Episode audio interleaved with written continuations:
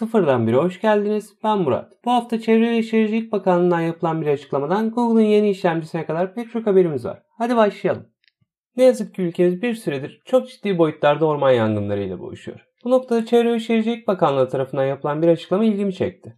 Açıklama zarar gören bölgelerde hasar tespit işlemleri için dronların kullanıldığı yönünde. Pek önemli bir haber gibi gelmeyebilir ama sonuçlara daha hızlı ulaşılmasını sağlayacak kesin. Microsoft'un OneNote uygulaması için bir seri güncelleme üzerine çalıştığı açıklandı.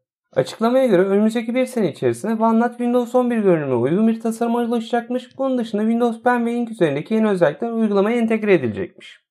Bir süredir konuşulan ama açıkçası pek ciddiye alınmayan bir haber vardı. Google kendi işlemcisini üretiyor deniyordu. Ama bu haber her çıktığında çıkan piksel telefonlarda yan çipler geliyordu. Sonuç olarak pek çoğumuz bu çıkan çiplerin bahsedilen işlemcinin sadece söylenti olduğunu gösterir yönünde görüyorduk. Ve bu hafta Pixel 6 ile ortaya çıkan bilgilerle karşımızda Tensor isimli bir işlemci var. Şimdi bu işlemciyle ilgili bilgilere bakarsak Samsung'un 5 nanometre mimarisine üretilecek, 8 çekirdek olacak, ARM mimarisine sahip olacak. Şimdi bu noktadan bakınca yeni bir cep telefonu işlemcisi olarak düşünülebilir. Hadi gelin biraz diğer ihtimallere bakalım. Neden bahsettiğimi sorarsanız Apple'ın Bionic işlemcisi bir üst versiyonu M1 işlemciye dönüştü. MacBook'larda kullanılmaya başlandı. Bionic işlemcisinin giriş seviyesi Apple Watch'larda kullanıldı. Ama Bionic işlemcisi ilk olarak iPhone'larda kullanıldı. Şimdi Google tarafına bakarsak cep telefonları için bir işlemci ürettiler. Bildiğimiz diğer Google cihazlarına bakarsak geçtiğimiz sene Samsung'la bir anlaşmaya giderek saatler konusunda bir ilerleme kaydettiler. Bunun dışında Chromebook'lar var. Diğer yandan Google'un Nest isimli akıllı ev sistemleri var. Ve bütün bunların yanında Fuchsia denilen bir işletim sistemi var. Şimdi Fuchsia niye burada önemli? Bir düşünürseniz Fuchsia mimarisi açısından en küçük yapıdaki cihazlardan en karmaşık cihazlara kadar her yerde kullanılabilir olarak tasarlanmış. Ve Google'ın şu anda üretmekte olduğu sistemlere bakarsak saatler, cep telefonları, dizüstü bilgisayarlar bu işlemci daha düşük versiyonları üretilerek ya da daha gelişmiş versiyonları üretilerek bu ürünlerde de kullanılacaktır. Hatta çok fazla ileriye bakarsak büyük ihtimalle Google kendi serverlarını da üretmeye başlayacaktır. Ve açıkçası bu gelişmenin son noktası olarak çok büyük bir ekosistem görüyorum. Tabi diğer taraftan karşımızda Google var. Şu ana kadar pek çok sistemi iptal ettiğini biliyoruz. Ne olup bitecek bekleyip göreceğiz. Genelde bilim kurgu filmleri ve kitapları yeni teknolojilere yol gösterir. Bu haber de böyle bir haber.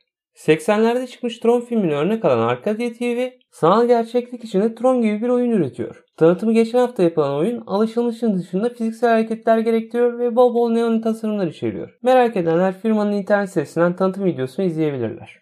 İnternet reklamlarında dolandırıcı hikayelere rastlamak sıradan bir durumdur. Bu hafta Google tarafından durdurulan bir dolandırıcılık olayı oldukça ilginç geldi. Olayı kısaca tarif etmek gerekirse kendilerini Brave internet tarayıcısı gibi göstererek reklam veren bir grup dolandırıcı, reklamda verilen sayfaya ulaştığınızda zararlı yazılım içeren bir Brave tarayıcıyı indirmenizi bekliyorlar.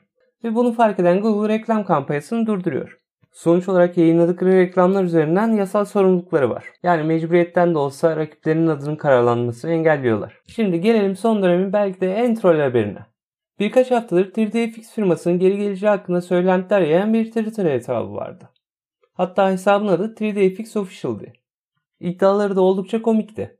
Mesela PCI veri yolu üzerinden üst seviye ekran kartlarını kafa tutabilecek bir ekran kartı çıkartmayı hazırladıklarını söylüyorlardı. Buradaki ayrıntı PCI veri yolu olmasıydı. Şu anda kullandığımız veri yolu PCI Express veri yolu. Ve açıkçası oldukça yüksek bir hız farkı var arada. Ve bir ara Ray Tracing konusunda da iddialı olduklarını söylediler. Bu gibi iddialar ile birkaç hafta yayında kalan Twitter hesabı şu anda kapanmış durumda.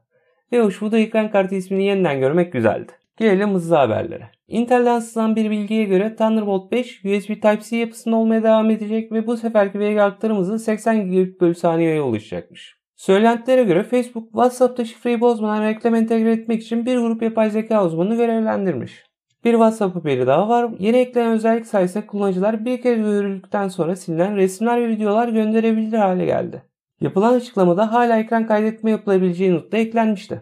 Facebook tarafından hazırlanan bir blog yazısıyla yeni ayarlar menüsü tanıtıldı.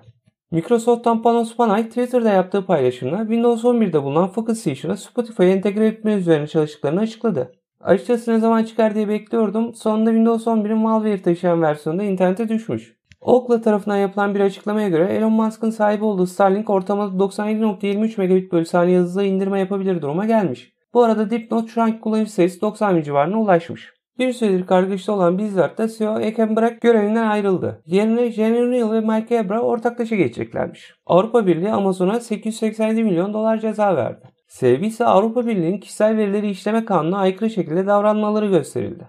IRS'in bu mali yıl içerisinde 1.2 milyar dolarlık kripto paraya el koyduğu açıklandı. TikTok'un Instagram'daki gibi hikayeler sistemini test ettiği söyleniyor.